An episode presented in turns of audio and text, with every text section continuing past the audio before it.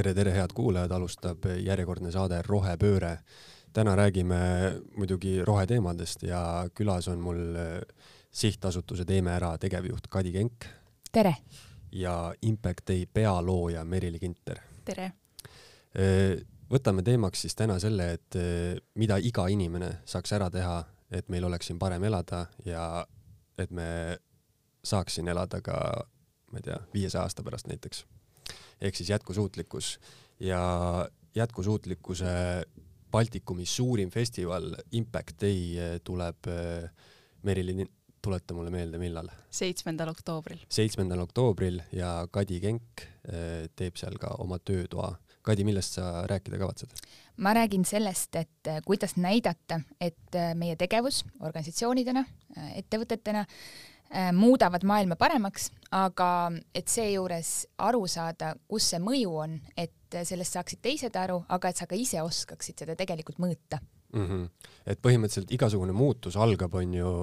üksikisikust, aga äh, kui me vaatame nagu suuremat pilti, siis ettevõtted, organisatsioonid, need peaks ikkagi seda üksikisiku muutust juhtimas siis? jaa, et jätkusuutlikkus ei ole selline elustiili küsimus. elustiiliks on meil vaja ikkagi süsteemi ja võimalust või,, võimaldamist ja seda, neid võimalusi loovad meile riik läbi seaduste, kohalikud omavalitsused läbi infrastruktuuri, ettevõtted läbi nende toodete, mida nad meile pakuvad või teenuste, mis nad meile võimaldavad.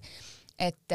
üksikisik on üksikisik tänaval, aga ta on ka mingisuguses positsioonis mingeid valikuid ja otsuseid tegev. Seal, kus ta töötab, see, kes, kes ta on ühiskonnas, keegi pole lihtsalt mina, ma olen ka ema, ma kuulun võib-olla lastevanemate hoolekogusse, ma saan muuta midagi enda ümber, igalühel on oma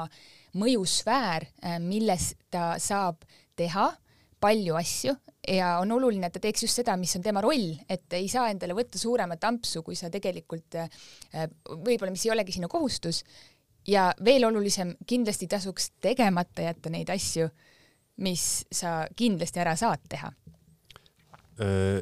kas seal võib tekkida selline konflikt, et ütleme, kui ma kodus, no näiteks sorteerin prügi, onju, aga ma käin tööl naftapuurkaevus et eh, siis minu ettevõte justkui võib-olla ei, eh, ei toeta minu maailmavaateid. et eh, kuidas sa seda näed? kui sa oled selle ettevõtte juht, siis sul on kindlasti ainult prügi sorteerimisest ei piisa, aga kui sa oled selle ettevõtte töötaja, kellel ei ole tegelikult äh, strateegilist otsustusõigust selle ettevõtte tegevuse üle, siis eh, noh, see on su töökoht, sa teed, mis sa saad selle jaoks, et ära elada ja see ongi koht, kus sinu otsused mõjutavad asju teistes kohtades, siis sa otsustadki, mida sa oma teenitud palgaga teed, kuidas sa oma kodus äh, elad, kuidas sa oma lapsi õpetad, et kuidas sa end, endid ümbritsevaid inimesi mõjutad.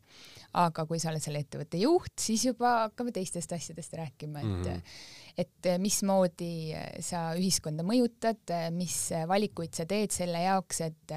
nii sinu enda ettevõtte sees oleks inimestel hea olla, mitte ainult täna, vaid ka homme ja tulevikus, et jätkusuutlikkus tähendab kõike, jätkusuutlik mitte ainult planeet, jätkusuutlik ka ettevõtte äriplaan. Et, et ükski ettevõte pole ju otseselt paha, me kõik teeme, mis me teeme selle jaoks, et kõik tahavad, et maailmas oleks parem, aga, aga luua seda pikemat perspektiivi mm. -hmm. huvitav, kust see algatus, kui me räägime Eesti ettevõtetest, et kust see algatus võib tulla, et kas see tuleb ettevõtte juhtidelt või see tuleb juba töötajatelt endilt, et, et võtame midagi ette, teeme seda teistmoodi, ma ei tea, kasvõi mingisugused kontorielu siuksed olmeküsimused onju. et mis te arvate, kuidas nagu Eesti inimesed käituvad? Mina arvan, et siin on tegelikult, et üks mõjutab ühte, teine mõjutab jälle esimest. et äh, minu enda seisukohast hea näide on kasvõi kuidas noored mõjutavad praegu, et mida ettevõtted ettevõtete juhid mõtlevad, et okei okay,, kuidas ma uue põlvkonna jaoks olen valmis. et paljud noored on öelnud, nemad valivadki ettevõtet selle järgi, et mis on nende jätkusuutlikkuse selline strateegia ja see tähendabki, et ettevõtte juht juba hakkab mõtlema, okei okay,, mis mina siis pean selle jaoks tegema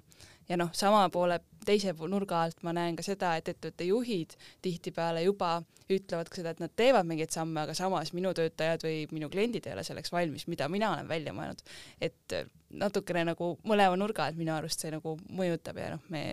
mulle väga meeldis Kadi mõte, et meil kõigil on oma nagu roll ja me saame tegelikult oma rollist nagu lähtuvalt teha neid samme ka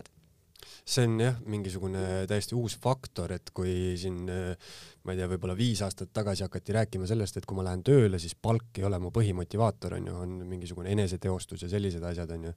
aga sihuke ettevõtte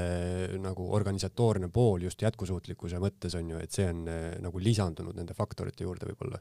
ja kindlasti, et äh, olid ajad, kui ettevõte võis hiilata sellega, et tal on mõni sädeinimene, kes mingil positsioonil nagu vedas selliseid ägedaid algatusi aga siis mõisteti, et see pole ka väga jätkusuutlik, sest äh, ühe inimese soovidest lähtuvalt ei saa ettevõte kogu oma strateegiat ümber kujundada. et kui see sädeinimene lahkub, siis järsku ettevõttel pole enam jätkusuutlikku strateegiat, selline asi ei saa juhtuda, et me täna oleme juba kohas, kus ettevõttel on vaja mitte ainult ettevõttel, see puudutab äh, kohalikke omavalitsusi, poliitilisi erakondasid, äh, lasteaedade juhtkondasid, et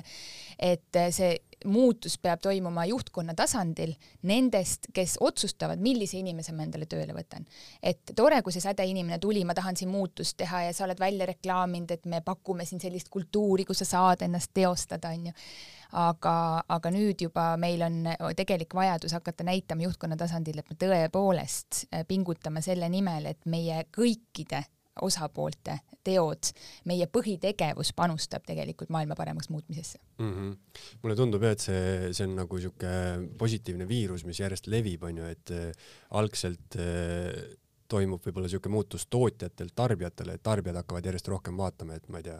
kust see, kust see kanaliha ikka mulle lauale tuleb ja, ja kuidas seda toodetakse, onju. aga et äh, nüüd see jõuab siis ka noh ettevõtja ja töötaja suhtesse onju ja, ja nagu sa ütlesid, mitte ainult ettevõtted, vaid äh, igasugune organisatsioon põhimõtteliselt onju. absoluutselt. Äh, Merili, mis on Impact Day eesmärk? Mm, minu jaoks Impacti eesmärk on ikkagi see, et me enam ei räägiks jätkusuutlikkusest või mõjust kui lisandväärtusest, vaid et see on standard. ja seda nii siis inimeste kui ka ettevõtete vaatevinklist. et ei ole enam varianti, et kas, kas ma sorteerin prügi või mitte, vaid ma sorteeringi prügi ja see on äge. et minu jaoks hetkel veel ei ole see võib-olla nii äge või nii kihvt, et okei okay,, et ma olen nüüd jätkusuutlikkuse eestringlik inimene või organisatsioon, vaid see on selline no tore asi, aga varsti võiks olla okei okay,, et see on tõesti, see on noh, see on selline asi, mille os-, nagu vastu vaadatakse, et vau, äge, see, ma tahan ka selline olla, aga no ma tunnen veel seda, ma tahan ka selline olla või et mm, jah, et lähme, lähme ka sinuga kaasa, veel seda suhtumist ei ole nii palju. Kas te tajute natuke ka seda, et eh, kui me enne kohvinurgas rääkisime, et tegelikult eh, see sõnum on justkui tegelikult väga paljudesse kohtadesse juba kohale jõudnud ja inimestele tuleb uksest ja aknast on ju seda, et, et võib-olla ma ei tea, kas sellele sõnumile kuidagi uue nurga alt läheneda või, või paljudel on kindlasti sihuke, et et noh, ongi, sa näed seda silti onju, mis suunab sind käituma justkui jätkusuutlikumalt, aga sa vaatad sellest sildist täiesti mööda ja minu arust kasvõi see fraas ka, et eh, nüüd, nüüd või noh, et me peame nüüd hakkama tegutsema, meil ei ole rohkem aega, et see juba on ka selline fraas, et no ma ühe päeva ei tegutsenud, midagi ei juhtunud maailmaga, et ei ole nagu, kõik ei ole otsas. ja minu arust me oleme täiesti saavutanud selle, et mul on juba silmaklapid ees ja kõrvad ka nagu kinni, et ma ei, minu arust ei ole midagi viga tegelikult. see on natuke see karjapoisi efekt, kes kutsub hunti välja kogu aeg, et eh, kui sa järjest kutsud, siis lõpuks lihtsalt ei võeta seda, seda hoiatust tõsiselt, onju siin me jõuame sellesse ähm, kurja juureni, et meil on hästi palju tegeletud sellise teadlikkuse kasvatamisega, me räägime teile, kuidas oleks õige. olgem ausad, so what? kuidas oleks õige, mis siis, sellest ei sõltu mitte midagi ja sellepärast me räägime sellest süsteemsest muutusest organisatsiooni tasandil. midagi peab muutuma kui sa ei teinud nii, nagu me oleme kokku leppinud, siis noh, kui sa töölepingut rikud, siis sa, sind lastakse töölt lahti. kui sa ei täida lepingulisi kohustusi oma partneritega, siis sinuga ei jätkata seda lepingut enam. et need on nagu põhimõtted, millest me ei tagane, mitte et nice to have, sest see kõik on olnud väga nice to have, see on tore, sul on endal niisugune Äh, kohene tunne, et ma tegin midagi maailma jaoks ära, aga sellest tegelikult, see järelikult ei olnud piisavalt väärtuslik ja see piisav väärtus tuleb jälle sellega kaasa, et kõik päriselt seavad selle endale prioriteediks ja sellest sõltub midagi. et äh, muidugi muutused ei pea üleöö olema sellised suured, sa tõid siin mingi nafta puurtorni näite onju, et üleöö ei panda ühtegi äh, sellist võib-olla vana kooli ettevõtet kinni, aga ei peagi nad igaüks peaks jätkusuutlikkus peab olema ju mitte ainult, me ei vaata siin, et kas, kui palju CO2 me õhku paiskame või, või milliseid ressursse me äh, üldse ära kasutame, vaid ka sellest, et kas need inimesed, kellega ma koos töötan, arenevad, kas neil on, kas ma tagan nendele turvalisuse, kas ma tagan selle piirkonna äh, jätkusuutlikkuse, kus ma tegutsen ja selle jaoks mul peab olema pikk vaade, et mida ma saan neile pakkuda, kui see konkreetne ressurss, millest mul ettevõte on ähm, üles ehitatud, kui ta ei jätku, siis mida ma veel teha saan? ega vajadused inimestel ei lõppe, aga neid tuleb lihtsalt rahuldada nii, et me arvestame, et me ei tee kellelegi liiga mm. -hmm. ja siin tuleb välja päris hästi see mõte, et, et justkui see on niisugune mentaliteedi muutus, mis eh, peaks saama standardiks, onju. et eh, teadlikkuse kasvatamine, see on iseenesest eh, noh, ma saan täiesti aru, see on üllas eesmärk ja ongi vaja inimestele selgeks teha, et miks me võiks midagi muud moodi teha, onju aga, aga noh, kui sa kellelegi ütled, et me kasvatame siin teadlikkust, siis see on justkui hästi tühi nagu väljend on ju, või seda on nagu liiga palju kuuldud. no okei okay,, tean, aga lisaks sellise muutuse jaoks sul on vaja lisaks sellele, et ma tean, on mul ka motivatsiooni tarvis, miks seda teha ja see peab olema puhtpraktiliselt võimalik mulle, see peab olema mugav. et see nagu intuitiivselt inimesed ei tee ju halvasti, nad teevad nii, nagu tundub loogiline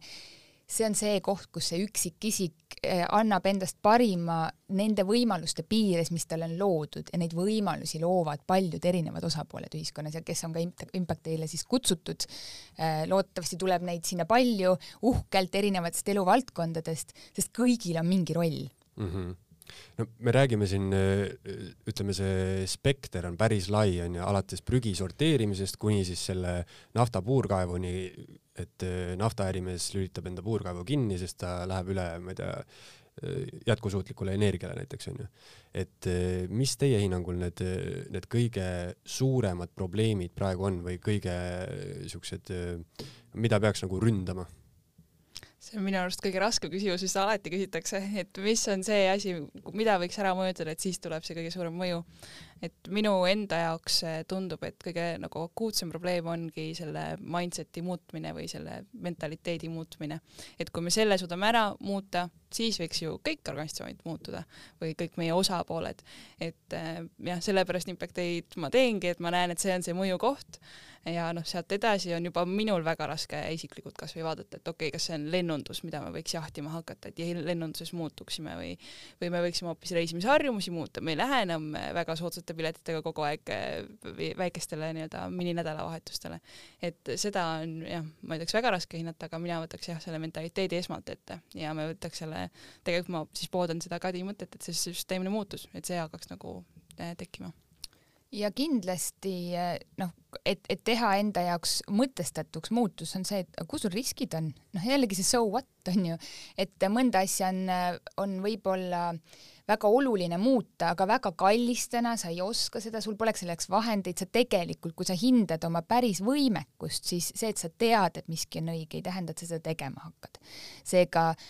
alusta sellest, aga kus sul kõige suurem risk on, miks sa seda üldse muutma peaksid, mõnes kohas sul on äriline risk, et sul on äh,, sinu tarneahel on näiteks äh, ähm, võib-olla suure riski all, et sa ei, sa ei saa enam neid enda, enda tööks vajalikke materjale kätte, sul ei ole enam neid olulisi teenusepakkujaid, et äh, kus ma pean tegelikult nagu muutuma selle jaoks, et ma ei oleks nii haavatav enam erinevatele muutustele, mis maailmas on juhtumas erinevatel põhjustel, mitte ainult see, et midagi saab kuskile otsa, vaid ka sellepärast, et kõik võistlevad selle nimel või sellepärast, et kuskil pandi piirid kinni. Covid oli esimene näide sellest, aga nüüd erinevad sõjalised konfliktid toovad meile selle veel kodule lähemale. meil on väga tõsine probleem ressurssidega ja siis on küsimus, kas sul on sellised partnersuhted, kas sul on selline ülevaade ja arusaam, kuidas sa oma tootmist või oma tegevusi juhid, et sul ei ole seda riski, et ülehomme sa ei tea enam, mis nüüd saab. Ja alusta sellest riskikohast, siis sa tegelikult ka näed viise, kuidas sa hakkad ähm, võitma selles, kuidas kulusid kokku hoida, sa potentsiaalselt võid leida endale viise, kuidas pakkuda uut tulu. sa ütlesid, paned nafta puurtorni kinni, ilmselt ärimees mõtleb, et aga millega ma siis veel äri saan teha, ma leian endale selle teise sektori, inimestel on energiat ikka vaja. et meil on selliseid tegijaid, kes tulevad turule, sest maailm vajab muutust ja nemad, neil on võib-olla kõige üllamad ja suu-, aatelisemad ideed, kuidas nad seda muudavad, aga väga vähe vahendeid. Ja nad võistlevad selle nii-öelda vana maailma ja äh, sellise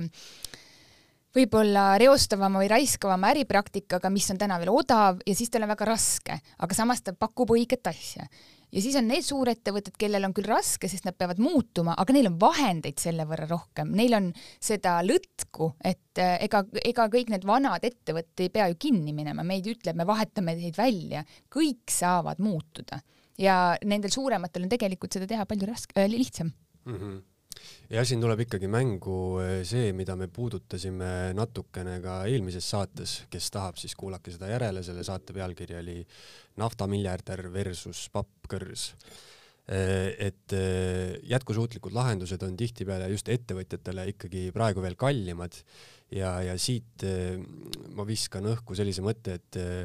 kui me räägime näiteks rahast, on ju, siis tihtipeale öeldakse, et ära vaata seda, kust sa saad nagu kulusid kokku hoida, vaid mõtle sellele, kuidas sa saad rohkem teenida, on ju. et eh, hea näide on Elon Musk, kes eh, hakkas rakette taaskasutama ja tõi kosmoselennu, on ju, hinna, ma ei tea, seal mitmekümnekordselt alla, on ju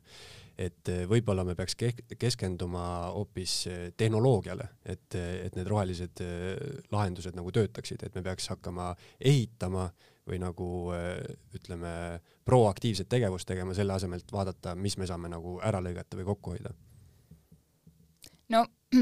sa läksid nagu sellesse teise äärmusesse onju, et üks, igal inimesel on raske jälle suhestuda sellega ja siis võib tekkida nagu tunne, et selle teeb nüüd keegi teine ära, seal on mm -hmm. mul mhm. seda Elon Musk'i vaja. aga ta siin on paar korda toonud näiteks selle prügi sorteerimise, et alustaks sellest, et ärme nüüd räägi prügi sorteerimisest juba enam ammu, sellepärast et see ei ole mingi asi, mida ma teen nagu äh, sest ma olen nii tubli, see on kohustuslik, nagu see on nagu miinimum, millest alustada, et sa sorteerid prügi, see on ammu olnud nõutud, see ei ole asi, mille üle me peaksime üldse vaidlema, selle eest ei peaks kedagi otseselt isegi mitte kiitma. sa tegid umbes, et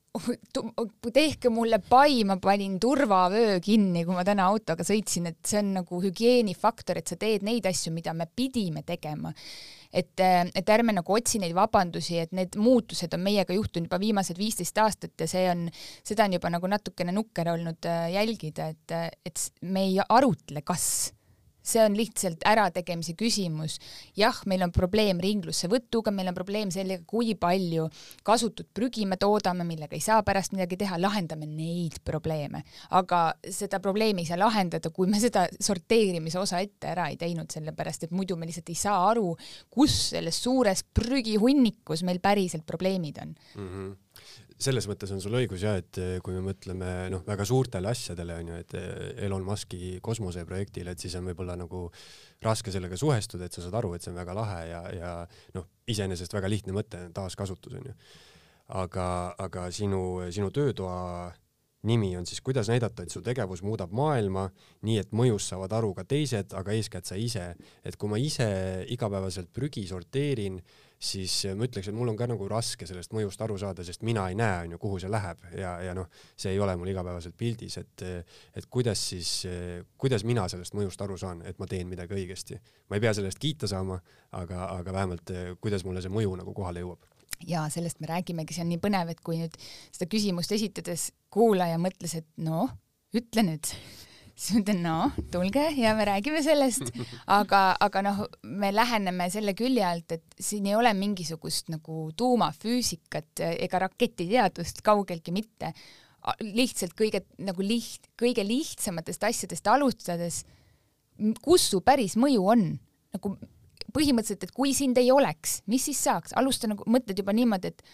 olgu, kui mind ei oleks, mind üksikisikuna, mind organisatsioonina või minu tegevusi,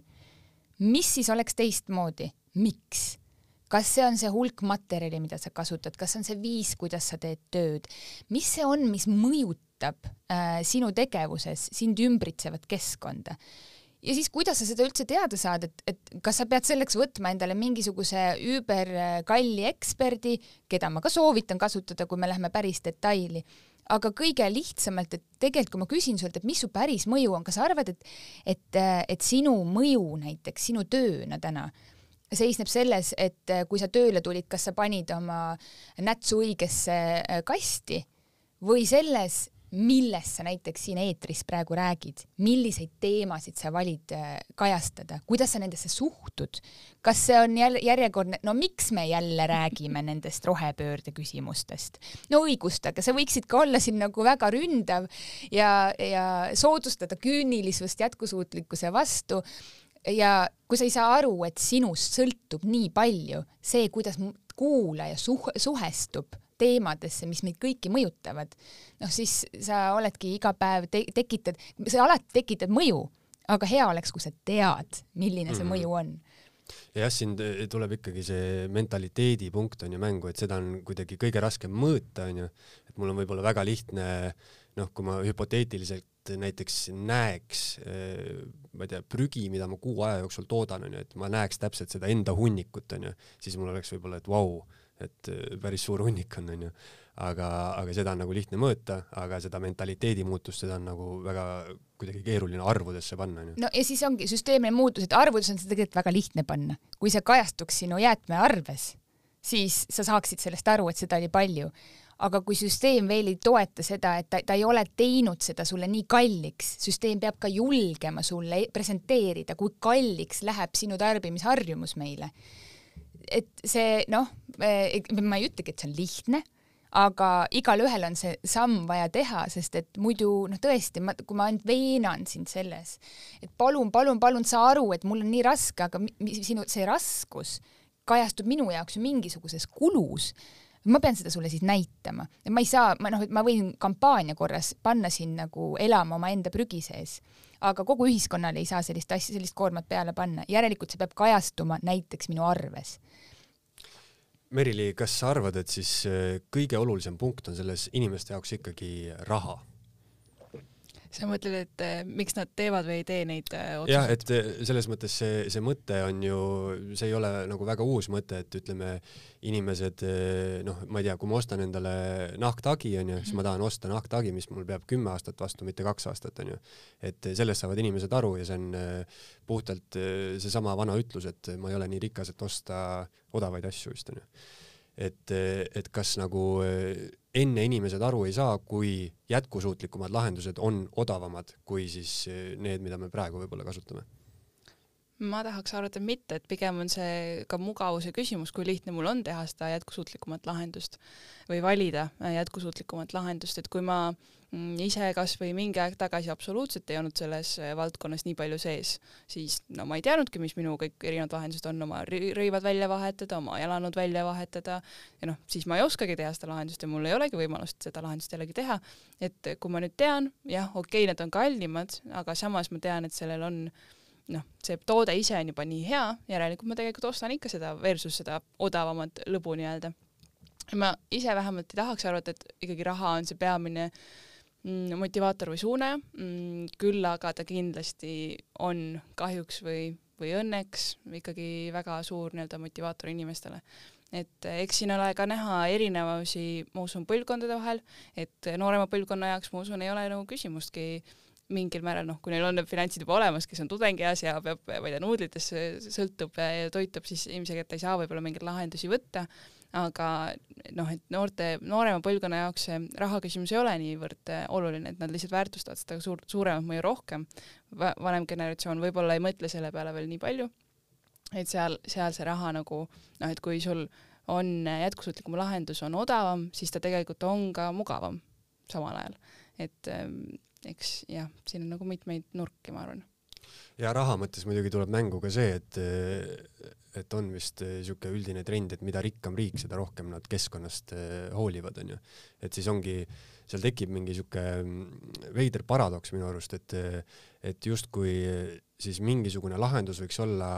ütleme riigi tasandil kogu riigi elanike elatustaseme tõstmine onju, aga elatustaseme tõstmine tähendab eh, rohkem tootmist järjest rohkem äh, tarbimist ja, ja nagu majanduse käimatõmbamist, onju. et mulle tundub, et justkui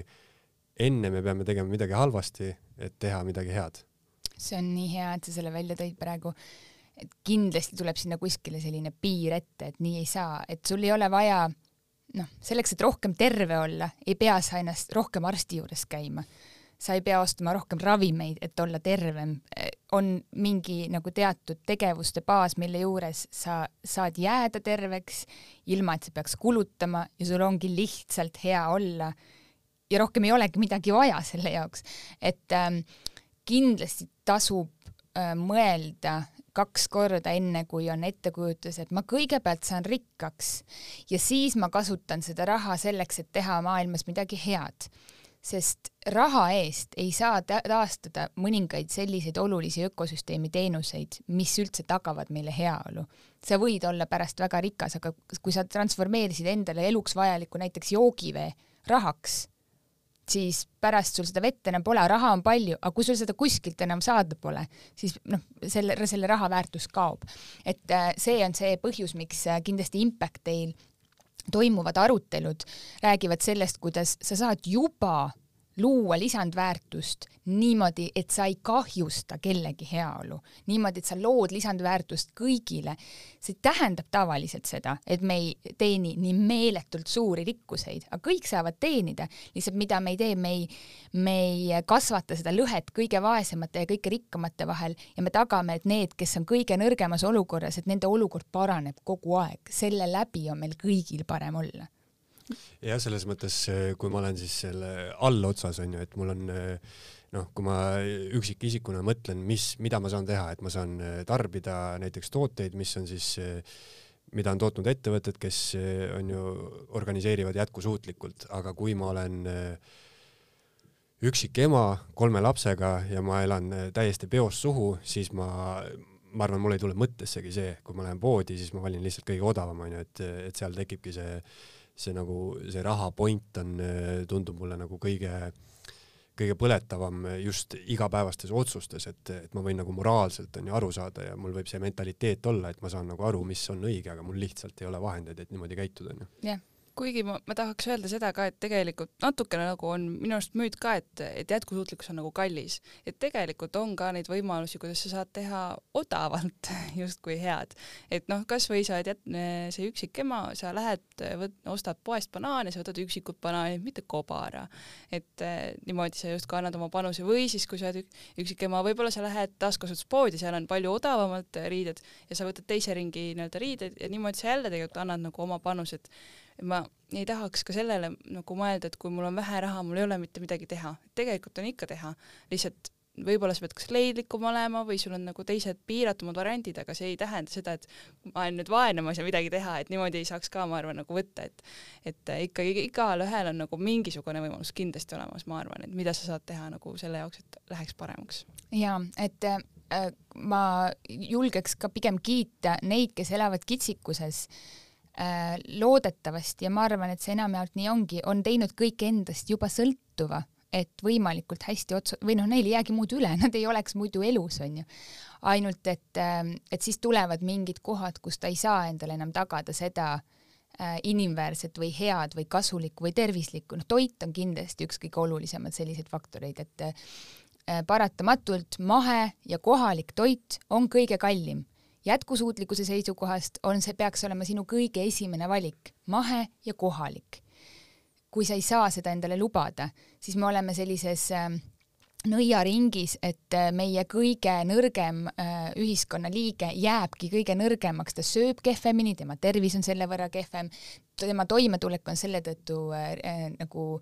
ähm, ohustatud ja samal ajal see, kes seda pakkuda tahab, see mahedat ja kohalikku, temal jällegi ei ole seda turgu, sest ja tema ilmselt on ka üks nendest, kes tuleb ots otsaga kokku, sest see pole veel selles nagu peavoolu tarbimises, see nõuab praegu ainult selle niši valikut, et ainult teadlikkusest ei piisa, süsteem peab toetama, et need valikud oleksid kättesaadavamad kõigile, et see ei ole ainult see koht, kus me iga päev hääletame, kas mulle meeldib mahe tegelikult rohkem või mitte. kui me teame, et, et mahe ja kohalik on parem, siis me peaksime ka tagama, et see on kättesaadav kõigile ja peaks olemagi nende esimene valik, sest selle läbi me ainult ei saa kuskil inimestele öelda, et meie tarbijad on teadlikumad, me tahame öelda, et meie tarbijad on tervislikumad, nad on, äh, et nende nagu üleüldine valik peegeldub rohkemas kui see, et nad hoolivad. ainult hoolimine pole vajalik selle jaoks, et maailmas oleks nagu, et me jätkusuutlikult toimida saaksime. see süsteem peaks toimima ka ilma selleta, et kõik teavad, see peaks olema intuitiivne, see peaks olema kättesaadav ja lihtne. et ikkagi see mugavus on väga oluline, me kõik teame ju tegelikult, et võtame ükskõik millise probleemi, mis meile praegu ette antakse, siis kui sa sellest hoolid, siis sa võid sellest rääkida, noh, tundide viisi rääkida ja öelda, et see on ju nii lihtne, ma saan kõigest aru, aga ma annan sulle mõne teise probleemi, millega sa tuttav ei olnud, sa ei jõua kõikide asjade peale mõelda. esialgu, et millist jogurtit valida ja siis milliste kingadega kõndida ja kus kohas täpselt ja millega sõita, onju. noh, sa ei jõua, et need, need valikud peavad olema kättesaadavaks tehtud ja see on see koht, kus see üksikisik ei saa olla vastutav kõikide nende valikute mõjude eest võib-olla siin on see mõte ka, et kui Eesti riik on olnud, et wifi peaks igale ühele kättesaadav olema, et äkki võiks olla ka jätkusuutlikud valikud niimoodi et mm. teeme nii, et need oleksid ka nagu kättesaadavad. just, väga hea tähelepanek sellele, et see otsus tuli kõrgemalt ja seda väärtustatakse läbi kõikide mm. nende struktuuride, mida riik võimaldab riigis see toidu näide on muidugi hästi-hästi hea, et see on tõesti sihuke mikrotasandini eh, nõiaring, et kui ma noh, lihtsalt söön, on ju sellist kehvemat toitu, jään haigeks, ma, ma ei tea, ma ei suuda nii hästi mõeldagi, ma ei suuda neid valikuid teha, onju, et et see on eh, toidu pealt ei tasuks nagu kokku hoida, aga seda on eh, lihtne öelda, kui sul on nagu võimalus osta seda, ma ei tea, mingi kaks korda kallimat liha näiteks onju. toidupanga eestkõnelejad on tähelepanuks sisse, et iga neljas laps Eestis on näljas ja noh, mida see meile tähendab, vaata klassiruumi ja mõtle, et miks iga neljas laps teoreetiliselt noh, mille, ta ei mõtle selle matemaatilise teoreemi peale, kui ta mõtleb, et mul on kõht tühi. mille peale sa mõtled, kui sul on kõht tühi, sa muutud pahaseks, vihaseks, onju. ja sa ei ole kaugeltki nii edukas liht-, kõige lihtsamal põhjusel, sul pole seda, mida sul eluks tarvis läheb mm. -hmm aga kuidas, ütleme noh, siin tuleb juba mängu vaba turumajandus, et kas lahendus võiks olla see, et eh, me lööme piirid kinni, meil ei ole seda odavat Poola tomatit, onju, me kasvatame ainult ise tomateid ja meil poes eh, lettidel on ainult kodumaine mahetoodang, see võib-olla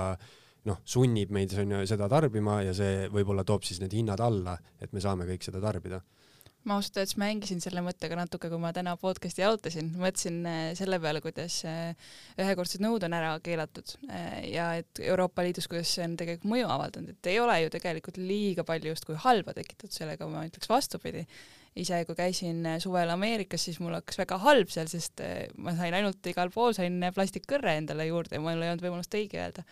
et ja samal ajal, kuigi mulle tundus, et see oli väga hea lüke, et okei okay,, et keelame ära, siis mulle väga ei meeldi see keelamise ühiskond, et pigem ma tahaks öelda, et tekitame selle keskkonna, kus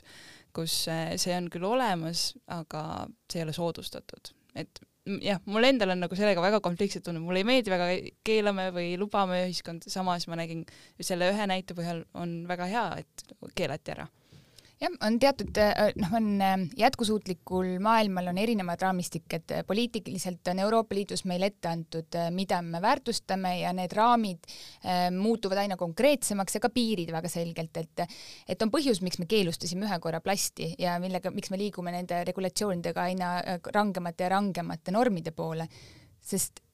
selle ühe korra plasti kasuks ei ole mitte midagi rääkida ja me ainult kannatame selle tagajärjel, ehk siis me ei saa öelda, et no otsustame, et jõudke ise selle tulemuseni, samal ajal kogu aeg tekitades suuremat ja suuremat keskkonna ja tervisekahju, onju. et ähm, keelustamise põhjus on, peab olema väga selge, aga kui ta on olemas, siis on, ei olegi siin nagu väga midagi rohkem pikemalt rääkida. et, äh, et on, on mõned asjad, mis on äh,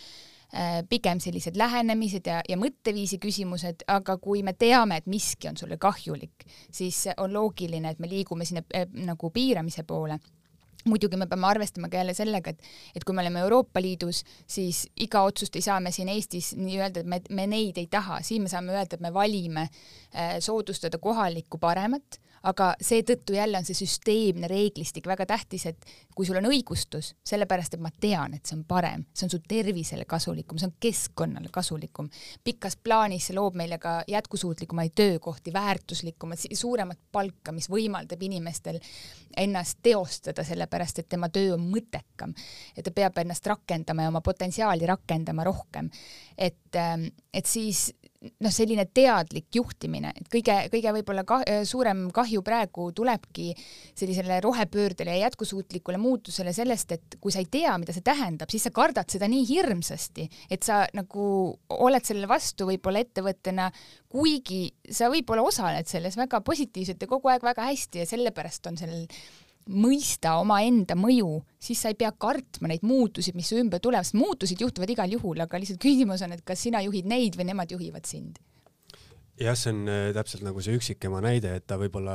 osaleb õiges äh, nii-öelda jätkusuutlikus käitumises, kui ta lihtsalt äh, annab enda vanema lapse riided nooremale lapsele, onju, aga noh, ta teeb seda nii-öelda sunniviisiliselt, et tal lihtsalt ei ole muud varianti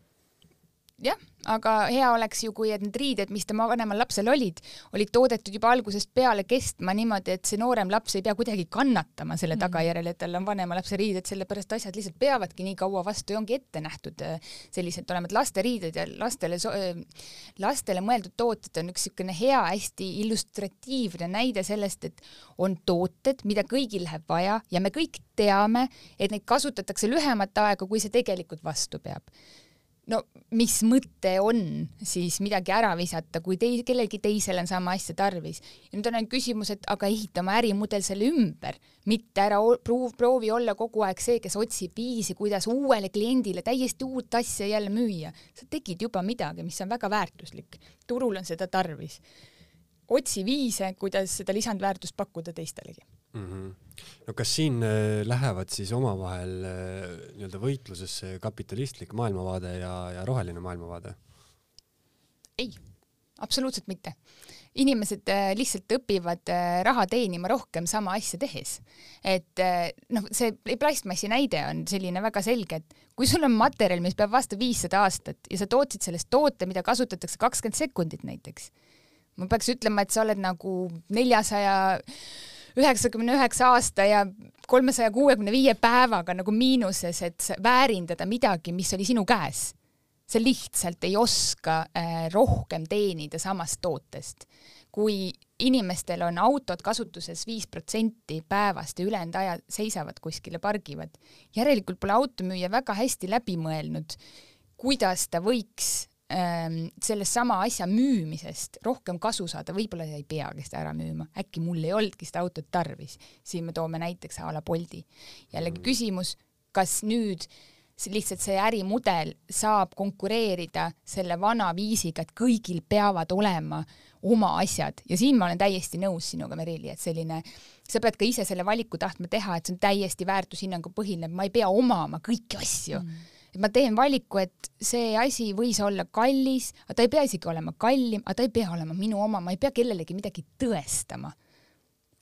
Jah, see on äh, see, mida me siin teeme, on teadlikkuse tõstmine, aga, aga mulle tundub, et äh, ilma seda ütlemata, siis seda ongi inimestel vaja, et see auto näide, mis sa tõid,